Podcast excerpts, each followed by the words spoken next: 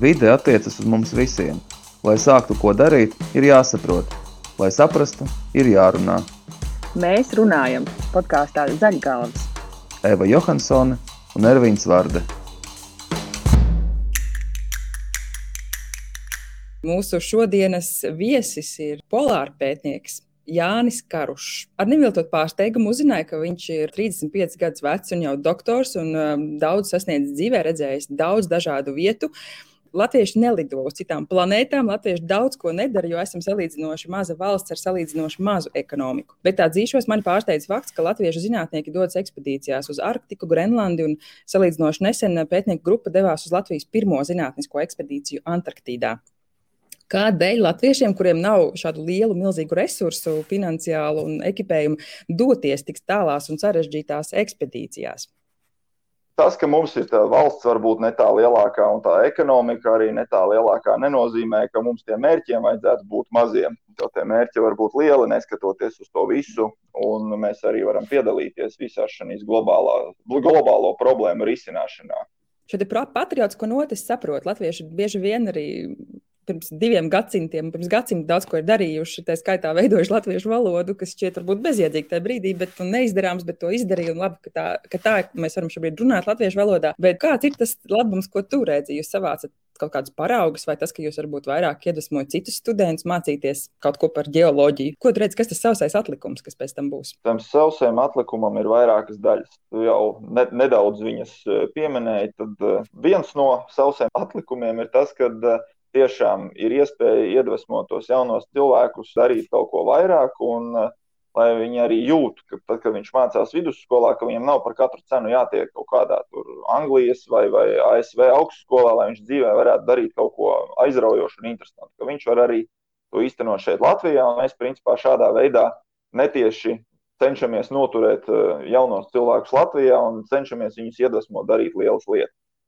Ja mēs runājam par citām lietām, tad sausais atlikums savā ziņā ir arī tas, ka mēs sadarbojoties ar kompānijām, kas uzņēmumiem, kas darbojas Latvijā, speciālas drēbes mums tiek uzšūtas, mēs arī tur pārdomājam, kādas mēs iekārtas ņemam līdzi. Arī šī mūsu centrālā iekārta, ko mēs izmantojam, georadars, arī šī iekārta ir ražota Latvijā. Un tas, tas ir tas otrais sausais atlikums. Trešais sausais atlikums ir vairāk saistīts ar tādiem tiešiem uzdevumiem, ko mēs darām šajās ekspedīcijās. Mēs iegūstam dažādus zinātniskos datus, par kuriem mēs publicē, publikācijas rakstām. Un, ja mums šis publikāciju skaits un kvalitāte ir augsta, mēs varam pieteikties starptautiskiem projektiem, lai turpinātu pētījumus. Faktiski mēs saņemam starptautisku finansējumu, kurš ieplūst Latvijā, un mēs praktiski pēc tam iepludinām šo naudu Latvijas ekonomikā. Ja mēs tā ļoti strikti runājam, tad eh, šie būtu tie trīs sausi atlikumi. Nerunājot par cēlām lietām un tā. Tas tā tīri pragmatiski šīs ir tās trīs lietas, ko mēs redzam. Bet tā tīri personīgā līmenī, kā tu vispār tik tālu nonāci, tā taču ir diezgan reta izvēle. Jā, tā ir pietiekoši reta izvēle uh, Latvijā, un nemaz nav tik viegli dabūt tos cilvēkus, kas gribētu kaut ko tādu darīt. Es domāju, tā izvēle sākās jau agrā bērnībā man uh, vectēvs lasīja priekšā daudz. Bija padomju laikā izdeva to sēriju apvārsnes, manuprāt, tur bija grāmatas par ceļojumiem dažādiem. Un uh, man ļoti patika šīs grāmatas. Man uh, nepatika, ka man vasarā, vakarā lasa priekšā grāmatu par kaut kādu pasaku grāmatu. Man gribējās, lai man vairāk lasa šīs ceļojumu grāmatas. Un es pieņemu, ka kaut kur jau tajā brīdī tas mani uzrunāja, un šobrīd, kas mani uzrunā, ir tas, ka tas ir pietiekoši sarežģīti un, un nedaudz arī bīstami, un, un līdz ar to tā vērtība tam iegūtajam, ko tu tur izdari, ir augstāka. Tas ir tas galvenais. Pastāsti, kas ir tava mīļākā grāmata, kas saistās ar šiem ceļojumiem vai atklājumiem? Kas būtu tāda, nezinu, tur mesnera grāmata vai kāda eh, tūkstoša liepa jūras dzelmi? Kas ir tava mīļākā grāmata? No šīm te ar ceļojumiem saistītām. Eh, viņas tiešām pēdējo reizi, kad man kāds, eh, kad es saskāros ar šīm grāmatām, bija šī agrā bērnība. Tas ir līdz eh, pirmai, otrai klasē, un es īsti neatceros, kura bija tā, kas man visvairāk patika. Katrā ziņā tās nebija šīs populārākās, ko pieņemsim Žils Verns un, un visas šīs grāmatas.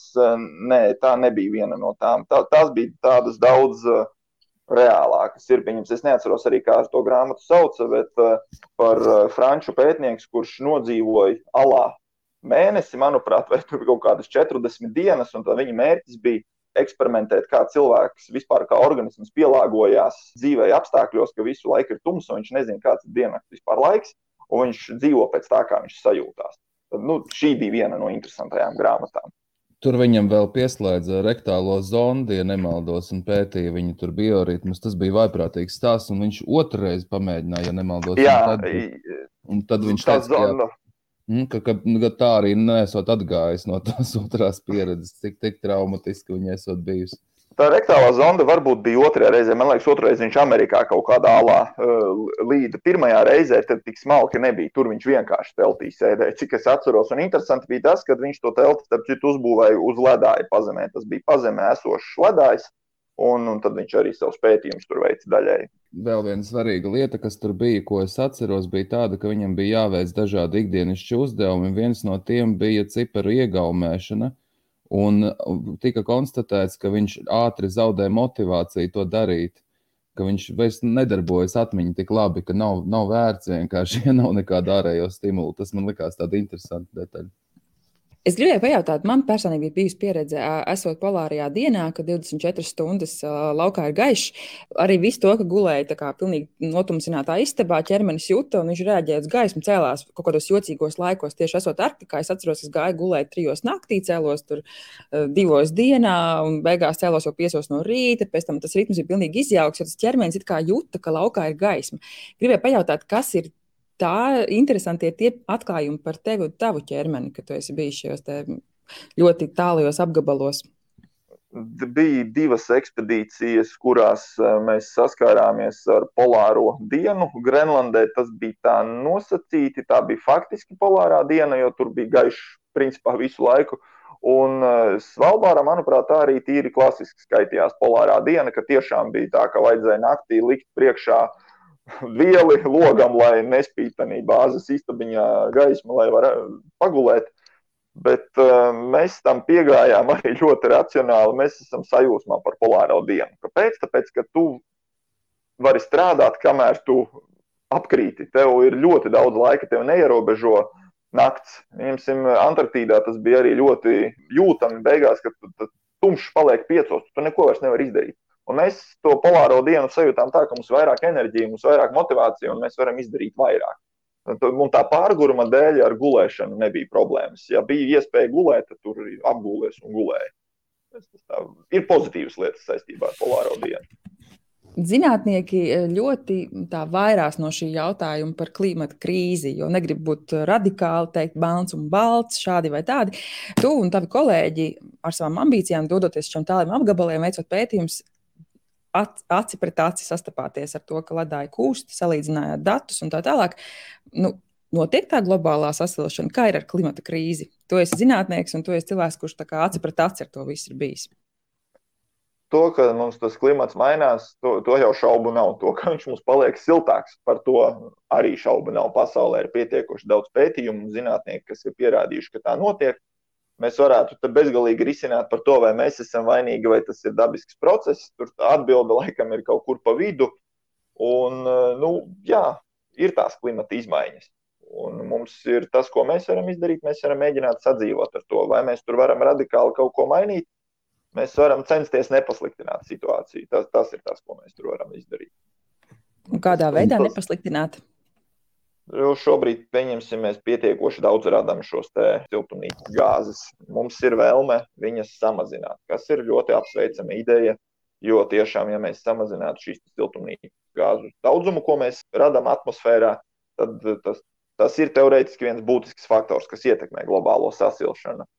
Tomēr, ja mēs to gribam izdarīt, tad mums ir jāpāriet uz smalkām tehnoloģijām, kas savukārt uh, prasa to, lai mēs iegūstam dažādus smalkus ķīmiskos elementus. Principā mums ir jāpalielina mūsu rūdu iegūs industrija, kas no cita aspekta mums vidi bojā, klasiskā izpratnē.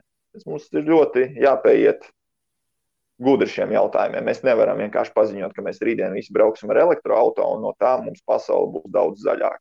Daudzās vietās viņa būs zaļāka, bet būs arī vietas, kur viņa būs ļoti netik zaļa pēc šāda soļa. Paldies, šī ir ļoti interesanta atbilde. Jo tu jau arī esi specializējies nu, geogrāfijā, geoloģijā, kas pārzina šos materiālus, bet vai ir kaut kas tāds, ko, ko tu pats ikdienā varbūt veids, kur tā zaļā domāšana tiek iesaistīta vai nezinu, ģimenē, vai personīgi, vai tavā kopienā, vai ar studentiem? Es vienmēr esmu piegājis tam tā, ka bez, bez vajadzības nevajag lieka ražot uh, atkritumus un, un vienkārši nevajag darīt kaut ko, ko tu saproti, ka nu, bez tā var arī iztikt. Un tādā veikalā ieejot, nu, ja ir iespēja, varbūt tās nevajag katru reizi ņemt to jauno plasmasas maisiņu. Varbūt var iztikt ar kaut kādu vienu, kas tev ir, vai arī paņemt to papīra maisiņu. It kā tie ir tādi sīkumi, bet es domāju, tas ir tas, pie kā mēs uh, ikdienā varam piedomāt. To, ka mēs visi Latvijā sāksim ar riteni braukt no cauru gadu, es esmu ļoti skeptisks attiecībā uz šiem jautājumiem. Un, uh, arī ņemot vērā manu darba ritmu, es nespēju pārkāpt no mašīnas un uzkāpt uz riteņa un turpināt ikdienu tādā tempā, kāda man viņa ir. Vai es varētu iegādāties elektroautorātu? Šobrīd, tīri finansiāli, tas man ir sarežģītāk nekā iegādāties mašīnu, kas ar benzīnu ir darbināma. Es domāju, ka tam jāpieiet ar savu iespēju robežās. Un, un, un cik nu kurš to var darīt un pārdomāt, vai tiešām es varu tikai tā dzīvot, vai arī es varu kaut ko bišķi pamainīt. Man viens draugs dzied operā, un, ja viņš ir kādu iepazīstis, viņam vienmēr prasa, vai tu zini, kas ir bočellī, un ko prasa polārpētniekam cilvēki no malas, ja tu ar tādiem saskaries tas ir arī tas, ko parasti prasa, vai tie ledāji kūst vai nekūst. Tas ir standarta jautājums. Neskatoties uz to, ko tu tur dari, kas ir. Bet pamatā visiem ir tas stereotips, ka, ja zinātnēks dodas uz polāriem reģioniem, tad viņš pēta to, cik stipri ledāji kūst. Tas ir tas, kas, ar ko viņš nodarbojas. Nu, tad gāz to stereotipu, pasaki, ar ko vēl jūs nodarbojaties. Mēs faktiski nodarbojamies ar to, ka mēs pētām, kā šie ledāji paši, kā viņi, kādi viņi ir un kā viņi mainās. Pieņemsim, ir šie ledājā iekšā šis siltais ledus un augstais ledus. Tad augstais ledus ir tas, kurš ir temperatūra ir zem nulles, siltais ledus tur, kur temperatūra ir ap nulli. Un tad kā šis ledu, siltais ledus ir izplatīts eh, ledājos, un, un kāda ir gultne šiem ledājiem? Ļoti daudz vēl jautājumu, kas nav atbildēti saistībā ar ledājiem. Tad vienīgais jautājums nav tikai par to, cik viņi daudz nopūst. To gan var no satelītiem diezgan veiksmīgi dabūt gatavu. Bet šīs smalkās lietas tur, tur nu, jābrauc uz vietas. Kādēļ ir tā, ka ir atsevišķi apgabali uz zemeslodes, kuros tās klimata pārmaiņas ir jūtamas visstraujāk? Piemēram, Arktika ir tāds tā mini-modelis tam uh, siltuma efekta pātrinājumam. Kāpēc, kāpēc ir šā, šīs joslas, kurās tas ir vairāk izteikts? Tā visa klimata sistēma pasaulē ir ļoti sarežģīta. Tomēr nu, nav tā, ka mums ap ekvatoru tur ir silts, tad, nu, tad vien, ar vien augstāks paliek uz poliem. Un ir kaut kādi reģioni, un kad sakrīt daudz un dažādi aspekti, tur atmosfēras cirkulācija, okeāna cirkulācija, un ja to visu sasumē, tad no tā radās tā, ka ir reģioni, kas ir jūtīgāki, reģioni, kas nav tik jūtīgi. Antarktīda atkal teorētiski šie skaitās šie mazie ledus uh, kupoli, kas ir uz šīm mazajām salām, gar Antarktīdas pussalu šie atkal ir ļoti jūtīgi pret uh, klimata izmaiņām. Un jo, tas, jo tie objekti ir mazāki, jo viņiem tā inerce ir mazāka un viņi ātrāk uztver to, kas mainās. Un tādā ziņā tā Antarktīda ir nedaudz stabilāka, jo tur mums ir šī lielā traume okeāna, kas plūst ap uh, Antarktīdu. Tā ir gan nedaudz norobežota. Arktikā mums varbūt nav tik izteikti. Tāpēc arī tā Arktika varbūt nedaudz jūtīgāka ir klausoties eh, tevī, šķiet, ka zinātniekiem Latvijā klājas ļoti labi. Latviešu uzņēmumi kaut ko ražo, jūs kaut kur dodaties. Eh, lai gan pēdējos gadus, eh, ne tikai pēdējos gadus, bet desmit gadus jau dzirdam, cik slikti klājas Latvijas zinātniekiem un zinātnē ar finansējumu. Nu, kā tad īsti klājas latviešu zinātniekiem? Ja mēs skatāmies uz to, cik lielā mērā mūs tīri valstiski atbalsta, tad, protams, mēs varējām gribēt tomēr vairāk un salīdzinot ar pasaules fonu arī bieži vien ar valstīm, kas ir ar mūsu ekonomikas apjomiem, nu, mums netiek daudz tīri no iekšzemes koprodukta procentos, ja mēs skatāmies. Kā vispār latviešu zinātnieki izdzīvo, kā vispār šie pētījumi tiek veikti, tas uh, lielā mērā balstās uz uh, starptautisku finansējumu. Mēs visi piesakāmies visādiem Eiropas projektiem un, un dažādiem pasaules projektiem, kur uh, objektīvi konkurence ir ārkārtīgi liela. Protams, arī Latvijā mums ir dažādi projekti, un mums ir eh, tieši šie Latvijas zinātnes padomus izsludināti projekti, kur orientējoši. Ja dabas zinātnēs ir aptuveni 100 pieteikumi, tad uh, finansējumu saņem kādi 8, 9 projekti. Tas nozīmē, ka faktiski tas procents, cik dabū, ir zem 10%.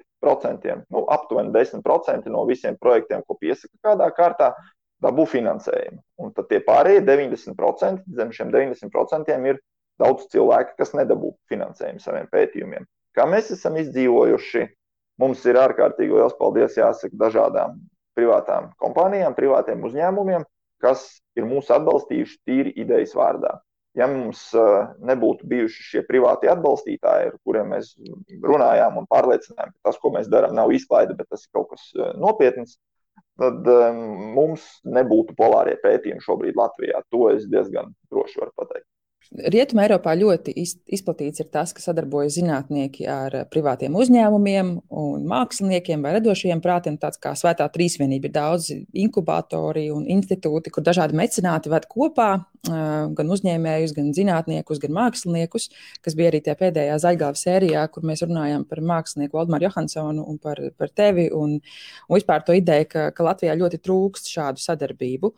Vai tev ir sanācis sadarboties eh, ne tikai, kā mēs dzirdējām, ar privātiem uzņēmējiem, bet arī ar eh, kādiem māksliniekiem, radošiem prātiem, risinot kaut kādas eh, situācijas vai jautājumus? Ar radoša, radošo jomu pārstāvjiem, nu, to, ko mēs klasiski saprotam ar šīm radošajām jomām, nav bijis. Ar uzņēmējiem ir bijusi sadarbība ne tikai polāro pētījumu jautājumos, bet arī citos jautājumos saistībā ar geoloģiju. Jā, bet ar šiem humanitāro zinātņu pārstāvjiem eh, nav bijusi sadarbība. Jā, es arī esmu to novērojis, un tas šķiet diezgan interesanti, jo vairāk kārt esmu nokļuvusi kaut kādās situācijās un notikumos Eiropā, kur, kur ļoti izteikti notiek, piemēram, ūdenim veltīts izstādes, kurā, kā mēs zinām, protams, pasaules okeānos ir jāsavāc atkritumi, un tad zinātnieki domā, kā to izdarīt, radošie domā tos veidus, kā radoši varētu risināt, un tad, teiksim, to finansējumu sniedz uzņēmējiem. Man šķiet, ka tā būtu laba praksa arī Latvijā, jo mēs esam tas nekas, ka maza valsts man šķiet, ka ļoti veiksmīgi toties var sadarboties un viegli uzrunāt un kaut kādā veidā sakabē darboties, lai risinātu arī klimata krīzes jautājumus.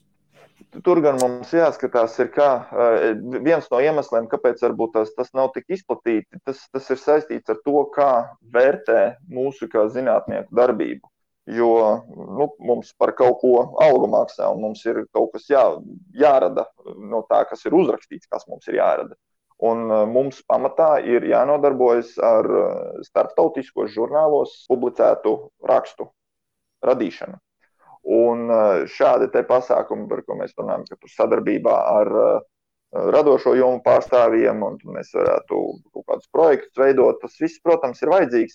Bet šie projekti tomēr mums beigās klasificējās zem kategorijas zinātnes popularizēšana.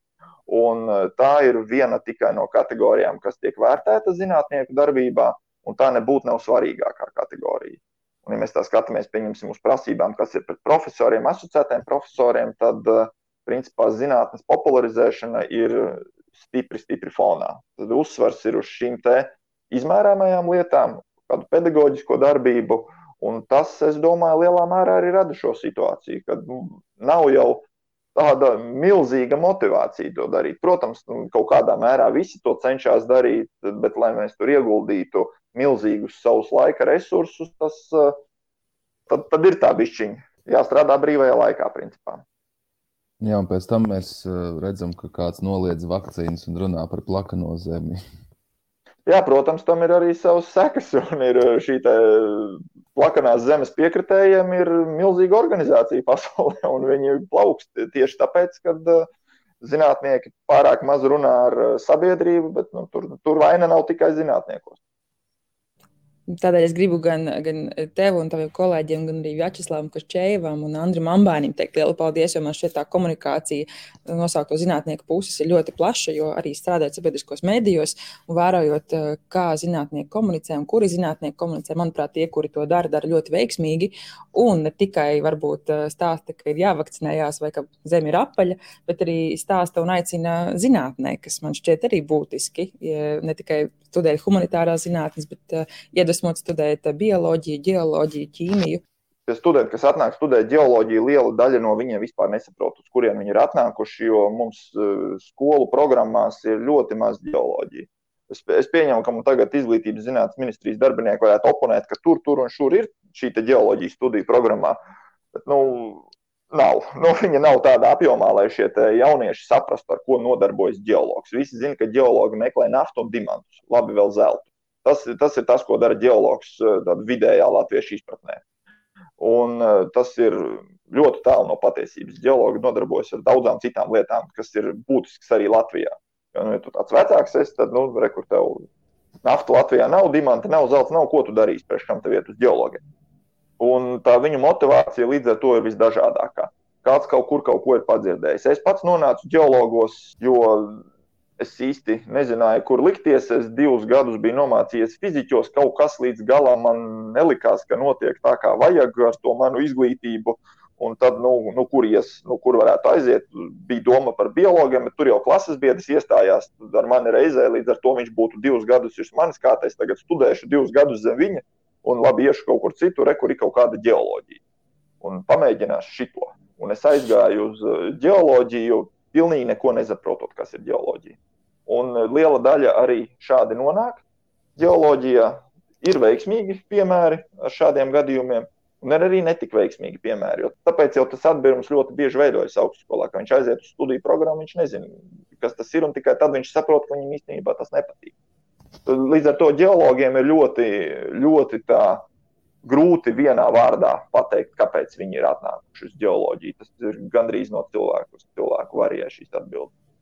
Es nesen intervēju um, psiholoģijas doktoru, kur teica, ka viņu ārkārtīgi pārsteidzis pieredzētais Vācijā, jo Latvijā psiholoģiju studē tie, kuri nezina, vairs, kur iet studēt, nu, tā aizies psiholoģija, gan jau kaut kur dzīvē noderēs. Savukārt Vācijā viņai pat medi medicīnas darbinieks, kā jūs studējat eh, psiholoģiju doktorantūrā, tiešām jābūt ļoti motivētam vislabākajām atzīmēm, lai tiktu psihologos. Viņa teica, cik interesanti, kā šis prestižs varējas starp valstīm. Kā ir Latvijā, vai geoloģija ir prestiža studiju vieta? Ņemot vērā to, cik daudz ir gribētāji studēt geologos, tā tīri statistiski pieejot, nē.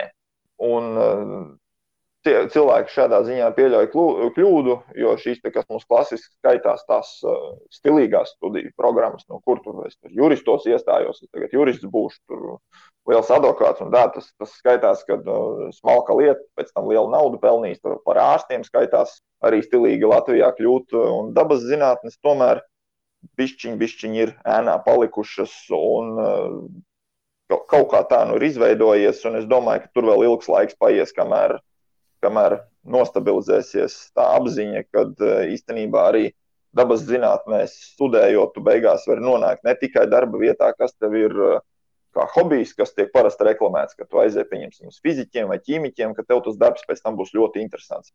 Tas ir ļoti skaisti, bet eh, ļoti bieži tiek izlaists arī tas, ka nu, tas jaunais cilvēks arī pragmatiski uz tām lietām skatās, viņam arī gribās, kad viņam par darbu ir ne tikai gandarījums, tāpēc, ka viņš e, jaukas lietas dara, bet viņam arī kontā tas gandarījums ir tāds, lai viņš var dzīvot tā, kā viņš grib. Un, ja tu esi pietiekoši augsts klases speciālists dabas zinātnēs, tev arī šis gandarījums tiek. Un es domāju, ka lielā mērā tas arī to prestižu ietekmē mūsdienās. Es domāju, ka varētu tagad tāda ilgtermiņa domāšana ilgtermiņa tādā plānā iekļaut uh, aicinājumu vectēviem pēc iespējas vairāk lasīt saviem mazbērniem piedzīvojumu grāmatas. Bet es šobrīd stāvu uz acelā un skatos pa logu. Man pretī varās brīnišķīgs skats, kur ir redzama uh, šī jaunā bioloģijas fakultāte, tad šī zinātnes māja, abas divas ēkas. Es domāju, ka tas ir diezgan motivējošs faktors, brīnišķīga vide, kurā studēt jaunas laboratorijas, stilīgi un uh, ļoti krāšņi, e, viss interjers iekšējais. Nu, es pats biologu studēju ļoti forši tur studēt. Es esmu studējis arī filozofos vecrīgā un saktā, un jāsaka godīgi, tās telpas, šīs jaunastātās ēkas man šeit ļoti motivējoši. Tur gribas būt. Biblioteka ir brīnišķīga. Esmu studējis Amerikā, un tur ne tuvu nebija tik laba biblioteka, kā šobrīd mums ir dabas zinātņu mājā. Kā, man liekas, tas arī ir faktors, tā patīkamā vide, kurā gribas uzturēties, būt. Tagad, gan Covid laikā, protams, tas nav iespējams, bet man šķiet, ka tomēr šī studija vide arī ļoti svarīga un jāatzīst, ka šai dabas zinātnēm tās ēkas ir fantastiskas. Jā, jā, jāpiekrīt, un tur uh, lielu darbu ir, ir arī universitātes uh, vadība jau vairākus pēdējos gadus uh, ieguldījusi, lai šī vīzija par tā saucamo kampusu mums rastos un mums šīs visas fakultātes būtu apvienotas tādā vienotā kompleksā. Un pats es arī es, es vēl disertāciju aizstāvēju vecajā ēkā, kas mums bija Alberta ielā. Un, un tad mēs abi ar Kristofu Lamsteru vienā dienā arī aizstāvējāmies un bijām pēdējie, manuprāt, kas kaut ko aizstāvēja šajā ēkā. Un man tās studijas bija tur, un tas ir nesalīdzināmi. Protams, tas, kādi bija mums apstākļi šajās vecajās ēkās un kādi ir tagad. Un grūti jau novērtēt. Tas cilvēks tikko pabeidz uh, vidusskolu, viņš atnāk, uh, viņam liekas, ka tas ir standarts un tā ir norma. Un tā ir arī jābūt. Tas, tam cilvēkam ir jādomā, ka tas ir standarts stāvoklis, ka mums ir šādas telpas. Bet, ja tu neesi bijis tādā izvērcijā, tad tu nesaproti, kā tas plēciens ir bijis. Fakultātē bioloģijas ir pat Ernesta Vītiņa mākslas darbi, stikla milzīgi. Viņš pagājušā gada saņēma kilogramu kultūras balvu vizuālā mākslā par saviem stikla darbiem, un, un tur ir tādi gigantiski viņa stikla darbi un pat uh, soliņi. Tā kā tas man viens šķiet fantastiski, ka tā vieta, kur Kristīnas Luīzes savotiņas vienkrāsaini tie gleznojumi sienām un Ernesta Vītiņa stikla māksla un latviešu dizaineru uh, iekramie krēsli, kuros var sēdēt, es viņus labprāt izmantoju izmantoju, un tur ir visādi kafijas automāti, viss kaut kas cits. Vienkārši fiziski gribās pavadīt laiku šajā ēkā. Bet podkāstu noslēgumā es gribētu pajautāt, es zinu, ka jums ir plāni doties arī uz eh, Grenlandi. Kas ir tie nākotnes plāni, ko mūsu Latvijas polārpētnieki veiks? Jā, mums eh, šobrīd, eh, tā sarunu valodā izteikšos, karājas gaisā divas ekspedīcijas, ņemot vērā Covid. Tad viena ir uz Svalbāru, atkal ciemos pie poļu kolēģiem, kur mēs turpināsim iesāktos pētījumus, un otra ir uz Grenlandes ziemeļrietumiem. Tur, ja vēlaties noskaidrot, kur precīzi ir tāda pilsēta Kvanāka, pie šīs pilsētas atrodas tāds viens ledus kupols ar vairākiem izvadledājiem. Un ir ļoti maz pētījumi veikti par šiem ledājiem, lai neteiktu, ka vispār nav. Un tad mums arī ir šī otra ekspedīcija, ko mēs realizējam par starptautisku finansējumu. Un jācer, ka Covid neierobežos mūsu plānus, un mēs varēsim beigu beigās realizēt abas divas ekspedīcijas. Paldies par sarunu. Paldies uh, Ervīnam Vardam, manam sarunu biedram, otram, pareizi sakot, podkāstu vadītājam. Par šo sarunu bija ļoti interesanti klausīties. Uh, es ceru, ka jums izdosies nākamās ekspedīcijas un pēc iespējas drīz. Un arī ceru, ka jūs šo zinātnes vidi ar vien gaismā un arī vairāk gribēs gan studēt, gan piedalīties, un arī uzņemsies tik ambiciozus plānus, kā jūsu zinātnieku grupa, dodoties uz šiem tāliem apgabaliem. Un vēl paldies arī Vides aizsardzības fondam, pateicoties kuram šī saruna varēja notikt.